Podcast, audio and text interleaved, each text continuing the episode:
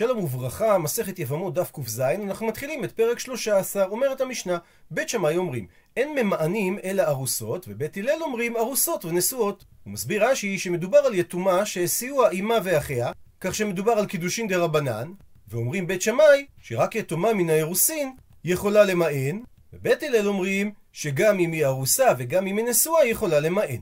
מחלוקת שנייה, בית שמאי אומרים שקטנה יכולה לממן רק בבעל, ובית הלל אומרים שהיא יכולה למען גם בבעל וגם ביבם. כך שלפי בית שמאי, אם מת הבעל והיא לא מיענה בו וכך היא נפלה לפני היבם, אז היא לא יכולה לצאת מהיבם במיעון, אלא תמתין עד שתגדיל ואז היא תחלוץ. מחלוקת שלישית, בית שמאי אומרים שהמיעון יכול להתבצע רק בפניו של הבעל, ובית הלל אומרים שהמיעון יכול להתבצע בפניו ושלא בפניו. מחלוקת רביעית, בית שמאי אומרים שהמיון חייב להתבצע בבית דין ובית הלל אומרים שהמיון יכול להתבצע בבית דין ושלא בבית דין. מחלוקת חמישית, אמרו להם בית הלל לבית שמאי, ממאנת והיא קטנה אפילו ארבע וחמש פעמים. עונים להם, אמרו להם בית שמאי, אין בנות ישראל הפקר. ולכן אפילו מה שבית שמאי התירו שהיא תמאן מהאירוסין, זה לא קורה יותר מפעם אחת. אלא ממאנת בבעל הראשון, וממתנת מלהתארס עד שתגדיל, ותמאן שוב בבעל הראשון, ותינשא בקידושים גמורים. ואז היא לא תצא מהבעל השני במיון, אלא בגט. ואומר רש"י שהגמרא תקשה, מדוע צריך למאן פעם שנייה בבעל הראשון. והגמרא הולכת להביא עכשיו ארבע הסברים למחלוקת של בית שמאי ובית הלל. אמר רב יהודה אמר שמואל, מה הייתה עמא דבית שמאי, שאמרו שקטנה נשואה לא ממאנת, אבל קטנה ארוסה ממאנת? הסיבה לדבר, לפי שאין תנאי בנישואין. ואם נאמר שקטנה נשואה תמאן, עתי למימר, אנשים יבואו לומר שיש תנאי בנישואין. הוא מסביר רש"י, אין תנאי מועיל בנישואין של גדולה. ואפילו אם היה תנאי בשעת הקידושין, הרי הבעל מוחל על התנאי בשעת ביאה וחופה, ולכן חלים הקידושים, אפילו אם התנאי לא יתקיים. ואומרים בית שמאי, שאם נשואה קטנה תמאן, זה יכול לגרום לתקלה, כי אנשים לא יודעים שמשום קטנות היא ממאנת, אלא הם יחשבו שהיא יוצאת בלא גט בגלל שהיה שם תנאי בנישואין, ואז הם יבואו לומר שיש תנאי גם בנישואי גדולה. מקשה הגמרא, נכנסה לחופה ולא נבעלה, מה איכא למימר? שהרי לשיטת בית שמאי, שאמרו שרק קטנה מאורסת ממאנת, משמע שזה לא תלוי אם הייתה ביאה או לא, אלא כל שלב של נישואין, כמו נכנסה לחופה או שנמסרה לשלוחי הבעל, שגם בשני השלבים האלה היא יצאה מכלל ארוסה, היא כבר לא יכולה למאן. והגמרא מבינה בשלב הזה, שכאשר הקטנה נכנסה לחופה ולא נבעלה, אין סיבה שהיא לא תמאן. כי בשלב הזה תנאי מועיל לבטל את הקידושין. אז מדוע אמרו בית שמאי שהיא לא יכולה למאן? עונה הגמרא, לפי שאין תנאי בחופה, שגם בחופה אנחנו אומרים שתנאי לא מועיל לבטל את הקידושין, כי גם בחופה הבעל מוחל על התנאי בגלל חיבת החופה.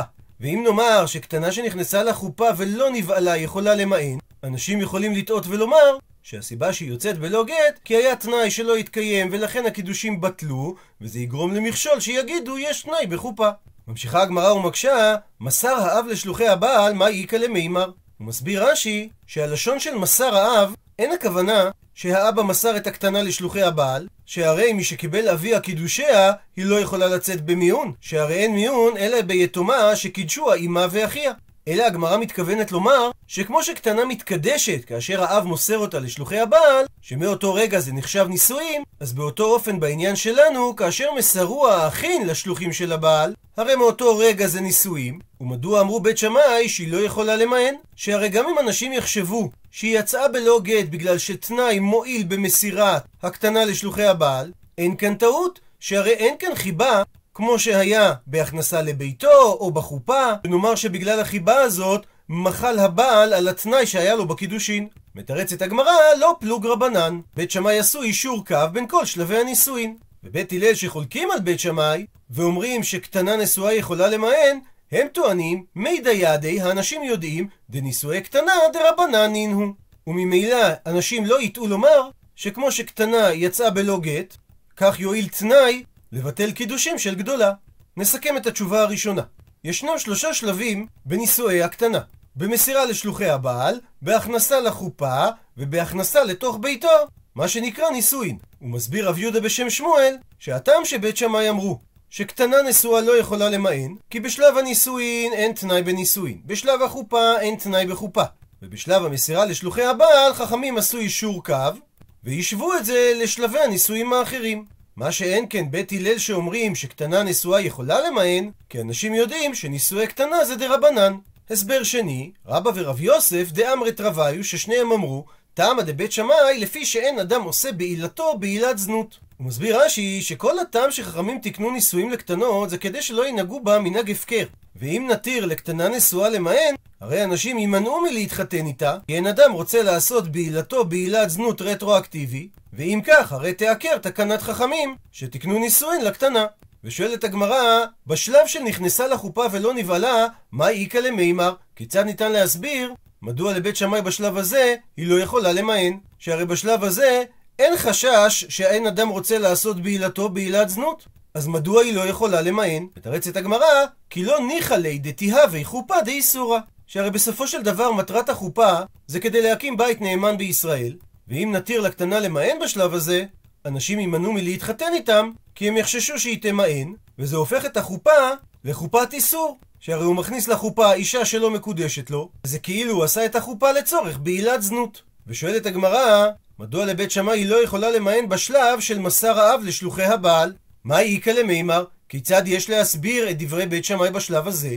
והרי שם אין שום עניין של בעילת זנות, כך שאם נתיר לה למען בשלב הזה, זה לא יגרום לאנשים להימנע מלהתחתן איתה. תרץ את הגמרא, לא פלוג רבנן. בית שמאי עשו אישור קו בין כל שלבי הנישואים. ובית הלל לפי ההסבר הזה, מתירין לקטנה נשואה למען, שכיוון דאיכא יש קידושים וכתובה, מתקנת חכמים לא עטו למימר, אנשים לא יבואו לומר, דבעילתו בעילת זנות, אפילו שבמקרה שהיא תמען, הרי היא עוקרת את הקידושים למפרע. ונסכם את התשובה של רבא ורב יוסף בטבלה, שהטעם שבית שמאי לא התירו לקטנה נשואה למען, בשלב הנישואין אין אדם עושה בעילתו בעילת זנות בנישואין, בשלב החופה כי לא ניחא לאדם שהחופה שלו תהיה חופה דאיסורא, שהרי אם היא תמען יוצא שהחופה הייתה לצורך ביד זנות, בשלב המסירה לשלוחי הבעל, בית שמאי לא חילקו בין השלב הזה לשלבים הקודמים. מה שאין כן בית הלל שאומרים שקטנה נשואה יכולה למען, שהרי חכמים תקנו לקטנה קידושים וכתובה, ולכן גם אם היא יכולה למען, אנשים לא יבואו לומר שהייתה פה בעילת זנות. תשובה שלישית, רב פאפה אמר שתמה דבית שמאי שקטנה נשואה לא יכולה למען משום פיירי. וגם תמה דבית הלל שקטנה נשואה יכולה למען, גם זה משום פיירי. והוא מסביר. תמה דבית שמאי משום פיירי, זאת אומרת, כדי שהוא לא יפסיד את פירות נכסי המילוג, שהם הנכסים שהאישה מכניסה איתה כאשר היא מתחתנת, והבעל אוכל את הפירות. דאי אמרת נשואה תמען, אז זה יגרום שהבעל שמית ואחי להומינה, הבעל יאכל ככל יכולתו מהנכסים שלה, דסוף סוף למי פקיימה. שהרי היא יכולה למען, ואם היא עומדת לצאת מרשותו, אז הוא יחלוף את הנכסים ככל האפשר. בבית הלל לעומת זאת, שאומרים שקטנה נשואה יכולה למען, אדרבה, כי הם סוברים בדיוק להפך. כיוון דאמרת תמען, דהיינו שהיא יכולה למען, הרי זה יגרום שהבעל אשבוכי משבח להו. שהוא דווקא ישביח את הנכסים. כי סבר הבעל, דאי לא, שאם הוא לא ישביח את הנכסים, הרי זה יגרום שאייצא לה קרוביה ומפקי לה מיני. שיעצו לה הקרובים שלה להתגרש ממנו. ולכן דווקא זה שקטנה נשואה יכולה למען, יגרום לכך שהוא יטפל בנכסי המילוג שלה בצורה הכי טובה. כך שלפי תשובתו של רב פאפה, הטעם שבית שמאי אמרו שקטנה נשואה לא יכולה למען, כדי שהבעל לא יגרום נזק לנכסי המילוג שלה. ולפי בית הלל, דווקא להפך, זה שקטנה נשואה יכולה למען יגרום שהבעל ישביח את נכסי המילוג שלה. תשובה רביעית, רבא אמר, היינו טעמא דבית שמאי, שאין אדם טורח בסעודה ומפסידה. נישואין זה אירוע גדול, יש שם סעודת נישואים, ואומרים בית שמאי שאם אתה אומר שקטנה נשואה יכולה למען, אז אנשים יימנעו ולא יתחתנו איתה, כי כל ההשקעה שלהם באירוע הגדול בחיים, שזה סעודת הנישואין, תרד לטמיון. בבית הלל לעומת זאת, אומרים שקטנה נשואה יכולה למען, כי תרוויו ניחא להו, לשניהם, גם לבעל וגם לקטנה נוח, לעשות סעודת נישואים, כדי דליפו קליו קלא דאישות. כי סעודת הנישואים גורמת שיוצא עליהם פרסום שהם נשואים, וזו המטרה העיקרית בסעודת הנישואים. ולכן אנשים לא יימנעו מלשאת קטנה, אפילו שהיא יכולה אחר כך למען. ולסיכום, רבא אומר שבית שמאי אמרו שקטנה נשואה לא יכולה למען כי זה יגרום שאנשים לא יתחתנו איתה, שהרי אין אדם טורח בסעודה ומפסידה. מה שאין כן לשיטת בית הלל שקטנה נשואה יכולה למען, כי המטרה בסעודת הנישואים שיצא פרסום שהם יתחתנו, והמטרה הזאת מושגת אפילו אם היא אחר כך תמען. ציטוט המחלוקת השנייה, בית שמאי אומרים שקטנה יכולה למען רק בבעל, ובית הלל אומרים שיכולה למען גם בבעל וגם ביבם. ואמר על כך רבי הושעיה, שלשיטת בית הלל היא ממאנת למאמרו של היבם ואינה ממאנת לזיקתו. הוא מסביר רש"י, שאם עשה בה היבם מאמר, דהיינו קידושים דה רבנן, הרי היא יכולה למאן ולעקור את הקידושים הללו, כך שהיא לא תהיה צריכה גט למאמרו. אבל המיון לא עוזר כדי להפקיע את זיקת הייבום, שבשבילה צריך חליצה. הוא מסביר את הדברים, אמר רב חיסדא, מה הייתה עמד רבי הושעיה? שאמר שמיעון מועיל להפקיע את המאמר, אבל מיעון לא מועיל להפקיע את זיקת הייבום. כי מאמר דמידעתה מציה אקרא, זיקה דבעל כורחה לא מציה אקרא. המאמר שהיבם עשה בה, זה היה מדעתה, דהיינו בהסכמתה, ולכן היא גם יכולה לעקור אותו על ידי מיון. מה שאין כן זיקת הייבום, שחלה בינה לבין היבם בעל כורחה, אותה היא לא יכולה לעקור על ידי מיון. הוא מסביר רש"י שזיקת הייבום זה בעל כורחה, שהרי לא מיענה בבעלה הראשון, ומכוח הנישואים אליו נוצרה זיקת הייבום. מקשה הגמרא על הסברו של רב חיסדא, והרי ביאה של יבם, דבעל כורחה, קונה את היבמה, הפכנו דף, ובכל זאת הוא מעציה אקרא. שאם היא ממאנת בו אחרי שהוא בא עליה בעל כורחה, היא לא צריכה גט לביאתו, שהרי כך אמרו בית הלל, שהיא יכולה למאן ביבם, בדיוק באותו אופן שהיא יכלה למאן בבעל הראשון. ואם מיעון יכול לעקור נישואים שחלו על היבמה בעל כורחה, אז למה שהמיעון לא יוכל לעקור גם את הזיקה שחלה עליה בעל כורחה?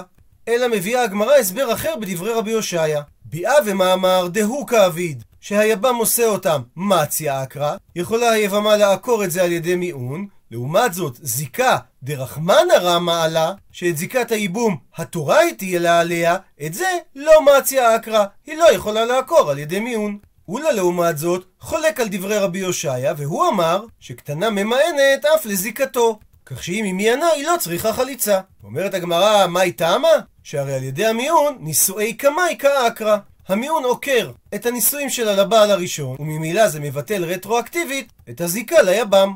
הייתי ואי מקשה רבה לעולה, שהרי המשנה בתחילת המסכת אמרה, כל שיכולה למען ולא מיענה, צרתה חולצת ולא מתייבמת. הוא מביא רש"י דוגמה, בתו קטנה נשואה לאחיו, ולא קיבל אביה קידושין, וזה יכול להיות במקרה שהסיעה אביה תחילה לאדם אחר והיא התגרשה ממנו, ואין יותר רשות לאבי הבא, והיא נקראת יתומה בחיי האב, למרות שהוא עדיין חי. אז עכשיו כשהיא התחתנה עם אחיו, היא יכולה למען, שהרי היא עדיין קטנה, אבל היא לא מיענה בו והוא מת, והיא והאישה השנייה שהייתה נשואה לאח, נופלות לפני אביה לייבום. אז במקרה כזה אמרה המשנה שצרתה חולצת, שאין זו צרת הבת, להיפטר משום צרת ערווה. והסיבה שהרי הבת יכולה למען, ולכן זה שהייתה נשואה לאח זה לא נישואים גמורים. אבל מצד שני, הצרה גם לא מתייבמת, שהואיל ולא מיענה הבת באח, אז בסופו של דבר זה נחשב שהיא צרת ערווה במקצת. ומקשה רבא על אולה, ועמי, ומדוע הצרה לא יכולה לייבם? הרי תמאן הקטנה השתה, ותעקרינו לנישומי קמאי, ותתייבם צרתה. שהרי הבת הקטנה יכולה למען עכשיו רטרואקטיבית בנישואיה לאח, ולפי דבריך אולה, המיעון הזה עוקר גם את זיקת הייבום, ואז צרתה תוכל להתייבם, שהרי היא לא נופלת במקביל אליה לייבום. מתרצת הגמרא, צרת ערווה שני, שאומנם לאולה המיעון מועיל לקטנה רטרואקטיבית כך שהיא יכולה לצאת לשוק בלא חליצה, אבל בכל זאת זה לא מועיל לגבי צרתה, כי גם אם היא תמאן באביה שהוא היבם, עדיין צרתה לא תהיה מותרת לו. דתני שכך שנה רמי בר יחזקאל. קטנה שמיינה בבעל מותרת להתחתן לאביו, אבל קטנה שמיינה ביבם אסורה להתחתן לאביו. הוא מסביר רש"י שכאשר היא מיינה בבעל היא מותרת להינשא לאביו, שהרי היא עוקרת את הנישואין רטרואקטיבית, וממילא זה שהוא היה איתה היא נחשבת כאנוסה ומפותה. ולכן היא מותרת להינשא לאביו.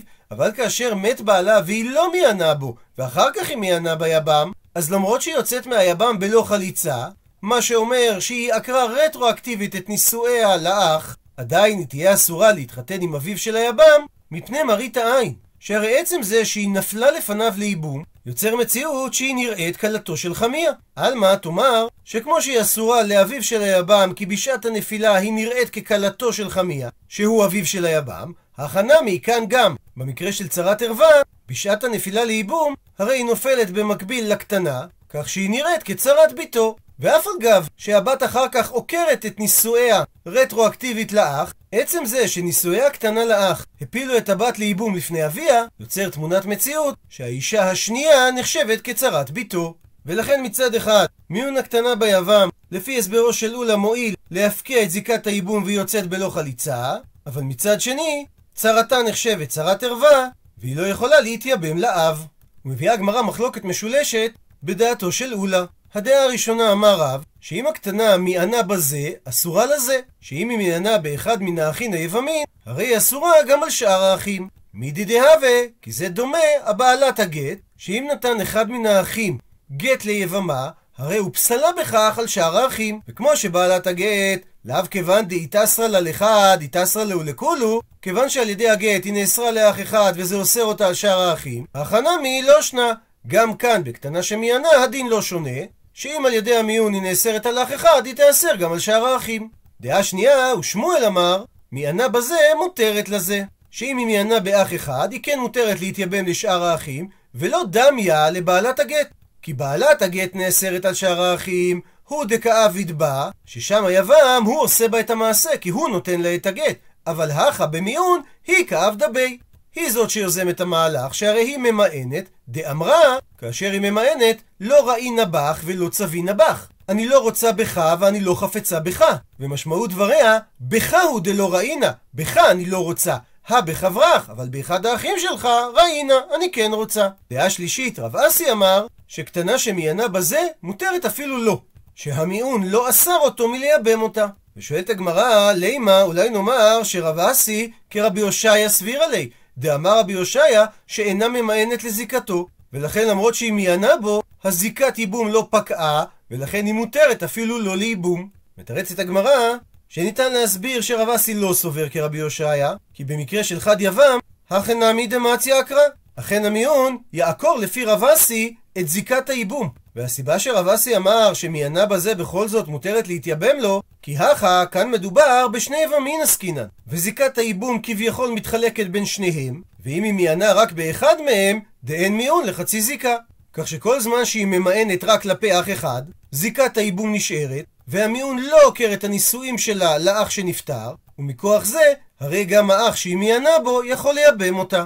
ומספרת הגמרא, כי עתה, כשבא רבין מארץ ישראל לבבל, אמר בשם רבי יוחנן, שקטנה שמיינה בזה מותרת לאחין ולא הודו לו. ושואלת הגמרא, מן, מי זה בדיוק שלא הודו לו? עונה על כך אמר אביי, שהכוונה היא שרב לא הודה לו, שהרי רב אמר שקטנה שמיינה בזה אסורה לזה. רבא לעומת זאת אמר שרבי הושעיה הוא זה שלא הודה לרבי יוחנן, כי רבא הבין מדברי רבי יוחנן שאמר מותרת לאחין, שהיא מותרת לכל האחים, כולל לאותו אח שהיא מיינה בו. והרי הסברנו שרק אם יש אחים נוספים, המיעון לא תופס כי זה יוצר מיעון בחצי זיקה, כמו שאמר רב אסי, אבל אם יש רק יבם אחד, הרי היא מיינה בזיקה שלמה, וממילא לפי רבי יוחנן, היא תהיה אסורה ליבם. וזה לא מתאים לדברי רבי יושעיה, שאמר שאין מיעון לזיקה, כך שאפילו אם יש רק יבם אחד, היא תהיה מותרת להתייבם לו. ואמרי לה, ויש אומרים דעה שלישית, שרב אסי הוא זה שלא הודה לרבי יוחנן, וזה על פי ההבנה בדברי רבי יוחנן, שכאשר היא מיינה באחד האחים,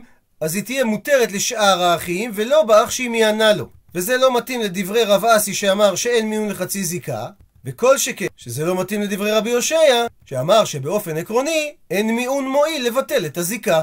ציטוט המחלוקת השלישית מהמשנה, בית שמאי אומרים שקטנה יכולה למען רק בפניו של הבעל, ובית הלל אומרים בין בפניו בין שלא בפניו. מביאה הגמרא תניא, שנינו על כך בברייתא. אמרו להם בית הלל לבית שמאי, והלא פישון הגמל, שהוא היה בעצם מונית על גבי גמל, ענה אשתו שלא בפניו. אמרו להם בית שמאי לבית הלל, שפישון הגמל במידה כפושה מדד, ולפיכך מדדו לו במידה כפושה. הוא מסביר רש"י שמידה כפושה הכוונה למידה כפויה, דהיינו כלי מידה הפוך. וכאשר אומרים שאדם מדד בכלי מידה הפוך, בעצם מתכוונים לומר שיש פה לשון הונאה ורמאות, והכוונה שהוא היה מפסיד את נכסי המילוג של אשתו, ולכן מידה כנגד מידה, חמים התירו לאשתו למען שלא בפניו. מקשה על כך הגמרא, מדקה אכיל פרי, מלשון הברייתא הרי משמע, שפישון הגמל אכל את פירות נכסי המילוג של אשתו. מה שאומר שפשיטא שנשואה היא, שהרי בעל אוכל את נכסי המילוג רק משלב הנישואין. והאמרי בית שמאי במשנה שלנו, שקטנה נשואה לא ממאנה. מתרצת הגמרא, תרי כי תרי עבדו בי. שני קשרים עשו עליו בית הדין לרעתו. שבגלל שהוא נהג שלא כדין והיה מפסיד את נכסי המילוג של אשתו, בית הדין התיר באופן חד פעמי בית הדין התיר באופן יוצא דופן שהיא תוכל למען למרות שהיא נשואה, ושהיא תוכל לעשות את זה אפילו שלא בפניו. ציטוט המחלוקת הרביעית מהמשנה, בית שמאי אומרים שקטנה ממאנת רק בפני בית דין, ובית הלל אומרים אפילו שלא בפני בית דין. את הגמרא, תנן התם, שנינו משנה במסכת סנהדרין, שאומרת, החליצה והמעונין מתמצאים בפני בית דין בשלושה. ושואלת הגמרא, מן תנא? מי זה התנא שסובר שמיעון צריך להיות בפני שלושה דיינים? עונה על כך אמר רבא, בית שמאי היא. שהרי לפי בית הלל, אמרה המשנה שאפשר למען אפילו שלא בפני בית דין. באי אמר, אפילו תימה, ניתן אפילו לומר שהמשנה היא כשיטת בית הלל, כי עד כאן במשנתנו לא כאמרי בית הלל, שניתן למען שלא בפני בית דין, זה לא מתייחס לכמות הדיינים, אלא הכוונה דלא באינן דיינים מומחים. אבל כמות של שלושה דיינים באינן זה ודאי צריך. כדתניא, כמו ששנינו בברייתא, בית שמאי אומרים בפני בית דין, ובית הלל אומרים בפני בית דין ושלא בפני בית דין. וכאן מוסיפה הברייתא באור על לשון המשנה ואומרת, ואלו ואלו, דהיינו גם בית שמאי וגם בית הלל מודים, שצריך שלושה. ואם כך, המשנה בסנהדרין שאמרה שמעונין צריכים שלושה, מתאימה גם לשיטת בית הלל. וממשיכה הברייתא, רבי יוסי בר יהודה ורבי אלעזר ברבי שמעון, מכשירין מיעון אפילו שנעשה בשניים. ולעניין פסיקת הלכה, אמר רב יוסף בר מניומי, אמר רב נחמן, הלכה כאותו הזוג, שאכן ניתן לבצע מיעון בפני שניים. ציטוט למחלוקת החמישית, בית שמאי אומרים שהקטנה תמאן פעם אחת בלבד, כי אין בנות ישראל הפקר. ואחרי המיעון היא תחכה עד שהיא תגדל, ואז היא תמאן פעם נוספת והיא יכולה להינשא.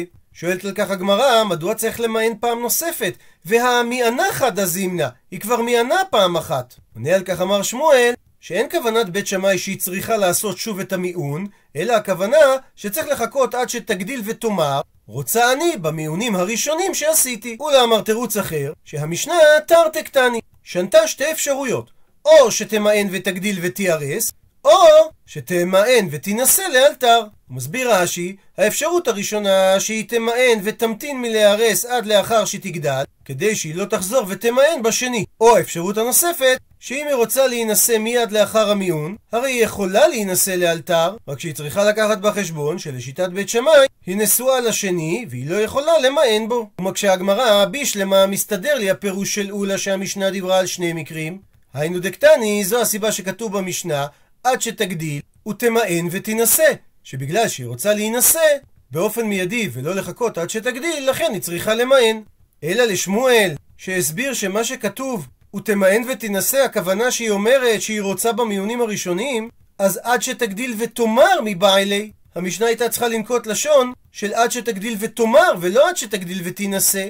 ואכן נשארת הגמרא בקשיא על הסברו של שמואל. ואומרת המשנה, איזו היא קטנה שצריכה למען בבעלה אם היא רוצה להתחתן עם מישהו אחר, כל שסיוע עמה ואחיה לדעתה, שאז הקידושים תופסים מדי רבנן, אבל אם היא סיוע שלא לדעתה, הרי הקידושים לא תופסים אפילו מדי רבנן, ואינה צריכה למען. רבי חנינא בן אנטיגנוס אומר שיש קריטריון אחר.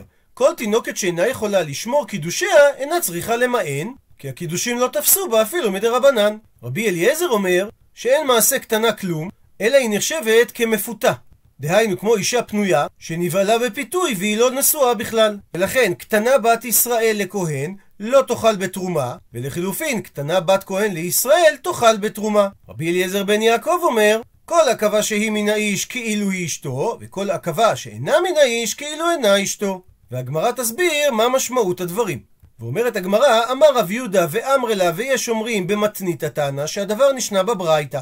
בראשונה היו כותבים גט מיאון, שזה כמו הפרוטוקול שמשמש כראיה שהיה מיאון, וזו הייתה לשון הפרוטוקול. לא רעינא ביה ולא צבינא ביה, אני לא רוצה בו ואני לא חפצה בו, ולית אנא בעיא להתנסבא ליה, ואני לא רוצה להינשא לו, אבל כיוון דחזו דנפיש דיבורה, ראו החכמים שהנוסח הזה ארוך מדי, אמרי, הפכנו דף, שאתי לאכלופי בגיתא. אז חששו חכמים שיכתוב סופר בור את הנוסח הזה גם בגט גירושין. והלשון הזאת לא מועילה כדי לגרש את האישה, לכן תקינו אחי, תקנו חכמים שנוסח של גט מיון יהיה ביום פלוני, מיענה פלונית בת פלונית באנפה. ביום מסוים, מיענה פלונית בת פלונית בפנינו. ובנוסח כזה שהוא רק ראיה שהיה מיעון, לא חששו חכמים שסופר בור ישתמש בו בגט גירושין. עד לכאן דף ק"ז. מעוניינים בהרחבה, רש"י הזכיר שחכמים תיקנו נישואים לקטנה כדי שלא ינהגו בה מנהג הפקר. לשם הרחבת העניין, נעיין במאמר נישואי בוסר בתימן מאת אפרים יעקב.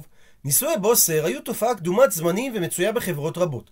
הסיבות לנישואי נערות צעירות ביותר בעולם היהודי, עוד קודם הגעתן לבגרות מינית ומנטלית, ייחודיות הן למקום הן לזמן. למן המאה העשירית מתחילים המקורות היהודיים, גם מארצות האסלאם, גם מאירופה הנוצרית, ללמדנו על עלייה הדרגתית של תופעת נישואי בוסר בחברה היהודית. היינו, ילדות שלא מלאו להן 12 שנה. ואכן, ספרי השו"ת משופעים בעדויות על אודות נישואי בוסר, וכמעט כל הקהילות והפוסקים התעסקו בנושא. לנישואי בוסר יש עדים נרחבים במרחב ההלכתי. הגורמים המביאים לידי נישואי בוסר, כפי שהם משתקפים במקורות היהודיים הכלליים, משקפים את תנאי חיי היהודים בימי הביניים. היעדר יציבות כלכלית, כמו חשש הורים עמידים מהידרדרות מעמדם הכלכלי ומירידת נכסים, לצד זירוז ההורים להשיא את ילדיהם קטנים, כדי לנסות ולהבטיח עתיד טוב לילדיהם, כפי שהדברים מובאים אצל בעלי התוספות. וכל יום ויום הגלות מתגברת עלינו, ואם יש סיפק לאדם לתת נדוניה לילדיו היום, ספק אם יוכל להעניק להם מחר. במקום נוסף בתוספות מצינו, ועכשיו שאנו נוהגים לקדש בנותינו אפילו קטנות, שמא לאחר זמן לא יהיה ספק בידו, ותשב ביתו עגונה לעולם. נימוק נוסף לנישואי בוסר מתייחס למספרם המועט של היהודים במקומות מושבותיהם, ומתוך כך היה קיים קושי במציאת בן זוג ראוי, והיה קיים חשש שמא אחר יקדים אותו. לכן נהגו להשיא את הבנים מיד עם מזדמן הזיווג המתאים. סיבה נוספת לנישואי בוסר הייתה הרחקת קטינים מחובת גיוס לצבא. דעה נוספת הרווחת בספרות התלמודית ובספרות המוסר היא שאדם השרוי בלא אישה יצרו גובר. ועל פי זה יוצא שמעבר לנימוקים שעיקרם ושורשם בחיים בימי הביניים, נראה שביסוד הנישואים המוקדמים היה גם רצון לשמור על ריחוק מעבירה ומהרהורי עבירה.